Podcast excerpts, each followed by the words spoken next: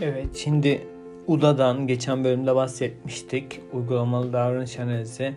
Burada e, bu bölümde biraz daha uygulamalı davranış analizi yöntemleriyle ilgili e, giriş yapalım.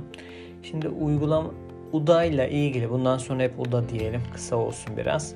UDA ile ilgili bazı kaygılar da gündeme gelmiştir. Davranışı değiştirmek için bireyler biraz daha böyle e, kalıplaştırıldı, kalıp yaklaşım gibi düşünülmüş. Bu yöne, bu yönde genellikle insanı e, zorlayan yöntem olarak da tartışmalar. Bu kısımda Buda'nın temel mantığının kavranılmadığını savunan insanlar da var.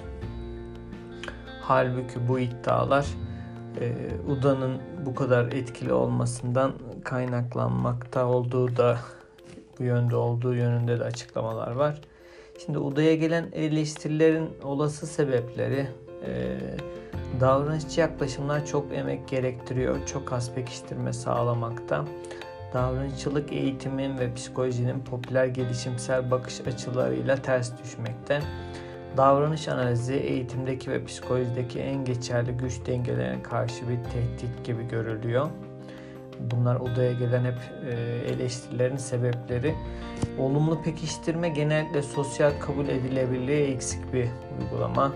Davranış analizi insanoğlunun diğer psikoloji yaklaşımları ve felsefi akımların yaptığı gibi göklere çıkarmamaktadır.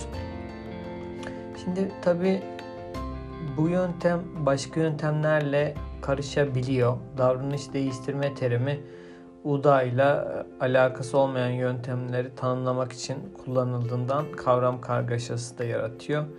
1970'lerde çeşitli gazeteciler işte e, çeşitli davranış değiştirme program yöntemleri e, programlarından bahsetmişler. Bunlar hep diğer yöntemlerle karışmasına da sebep oluyor. UDA temelde davranışları davranışsal ilkelere göre uygulama yoluyla sistematik olarak değiştirme anlamına geliyor. Şimdi dışsal pekiştireç mi yoksa içsel pekiştireç mi, motivasyon mu kısmı biraz. Doğru kullanıldığında dışsal pekiştireçler e, içsel motivasyonu azaltmaz. Buna yönelik de açıklamalar çok fazla var. İşte itici uyaranla ilgili kaygılar yanlış kullanımı yaygındır. Doğru kullanıldığında e, uygulamacı da kaygı uyandırabilir.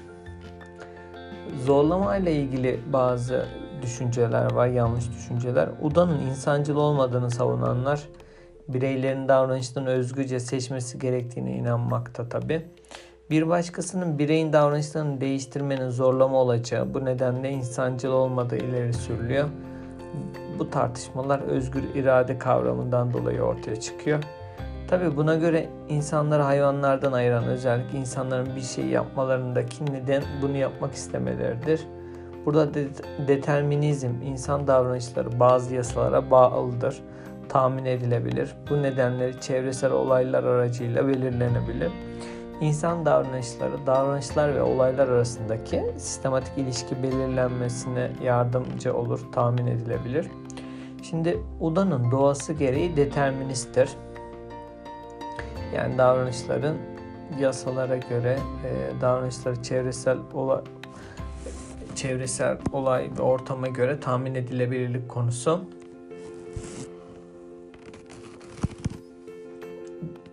Şimdi insanın özgür e, iradesini yansıtmaz ama bireyin verebileceği alternatif tepkileri arttırmayı amaçlar. Davranışlarıyla iletişim kuramayan bir çocuk arkadaş edinmek için özgür değildir zaten diyor.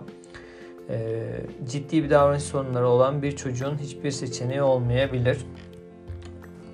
Davranış ile çevre arasındaki ilişki karşılıklıdır. Çevre davranışı değiştirdiği gibi davranış da çevreyi değiştirilir.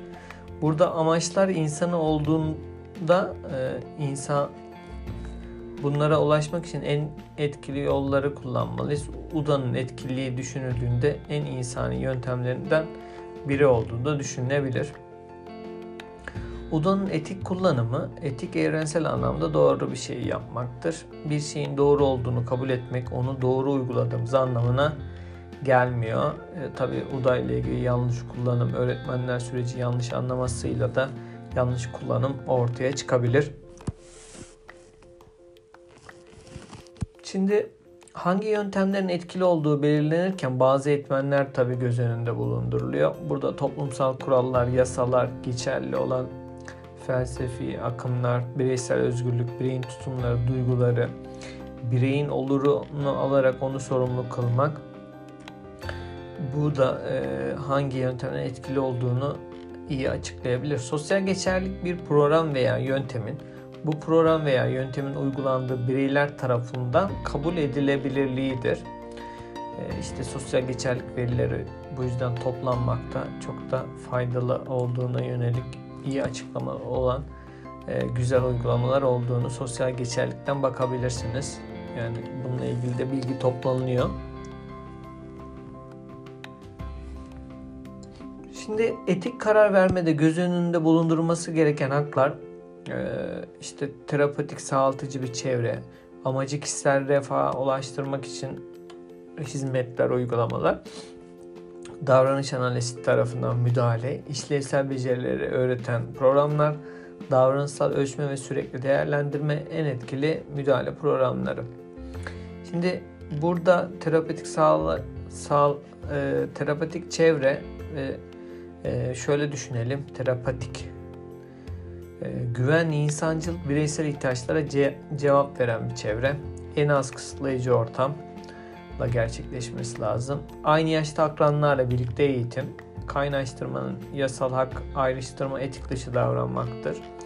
E, güvenli bir çevre oluşturmak, sınıf içi, sınıf dışı okulda.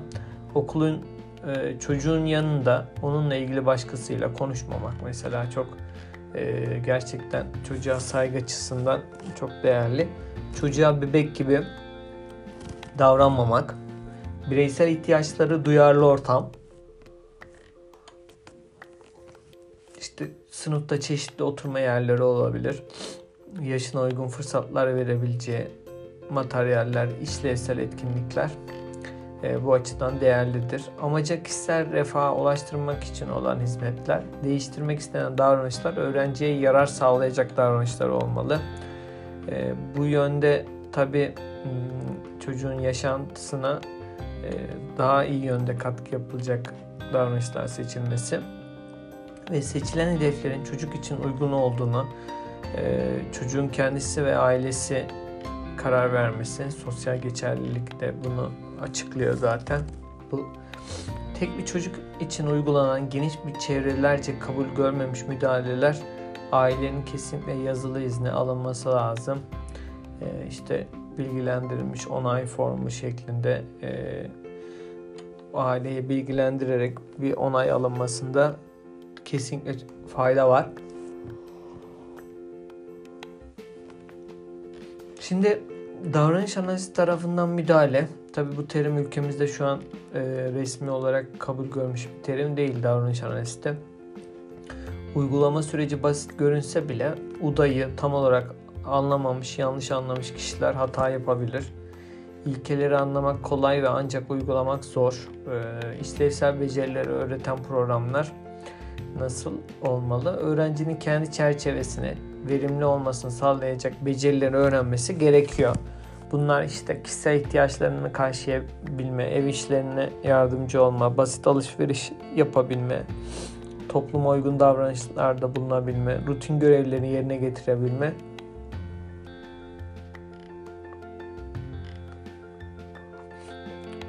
Çeşitli işlevsel becerileri de kazanmasını sağlayan, öğreten birçok programda var.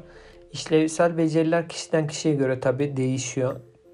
Farklı kişilerde farklı işlevsel beceriler ortaya çıkabilir. İşlevsel becerilere karar verirken bireyin içinde yaşadığı çevre kesinlikle göz önüne e, alınarak değerlendirmelidir. Çevresine veya kendisine zarar veren bireylerin bu davranışları ortadan kaldırılmalı. Davranışlar ortadan kaldırılması e, çocuğun bir kenarda sessiz oturması olarak asla düşünülmemeli. Yapıcı sonra bu davranış problemlerinden sonra yapıcı davranışların yerine e, oluşturulması gerekiyor. Davranışsal ölçme ve sürekli değerlendirme e, bu yönde biraz hani daha iyiye gidiyor mu nasıl elinizde tabi veri olması lazım. Bu da değerlendirme ile mümkün. Belirli aralıklarla e, süreç değerlendirilebilir, veri toplanabilir. Şimdi bu konuda en etkili müdahale programları işte bilimsel dayanıklı uygulamalar, kanıt temelli uygulamalar olarak açıklanıyor. Hem akademik hem sosyal davranışları öğretmede en etkili yöntemleri kullanmak gerekli. Burada tabii yöntem seçimi de öğretmen açısından çok değerli ee, ve stratejileri, öğretim yöntemlerini birçoğunu bilmek ya da en iyi bildiğiyle başlaması sonra diğerlerine geçmesi daha çok öneriliyor. Öğretmenlerin güncel bilimsel dergileri takip edebilmesi lazım. Bu yüzden bu etkili müdahale yöntemlerini bilebilmesi için de. Şimdi hesap verilebilirlik kısmı e, hem etik açıdan hem de öğretim öğretimin etkililiğinin kanıtlanması açısından önemli. Hedeflerin uygulanabilirliği, sonuçların değerlendirilmesi için yayınlanması gerekiyor. E, UDA'da davranışlar açıkça ifade ediliyor. Davranış değiştirme yöntemi ile davranıştaki değişim arasındaki ilişki kurulur. UDA e, işte bir hesap verilebilirlik olmadan uygulamak pek de mümkün değildir.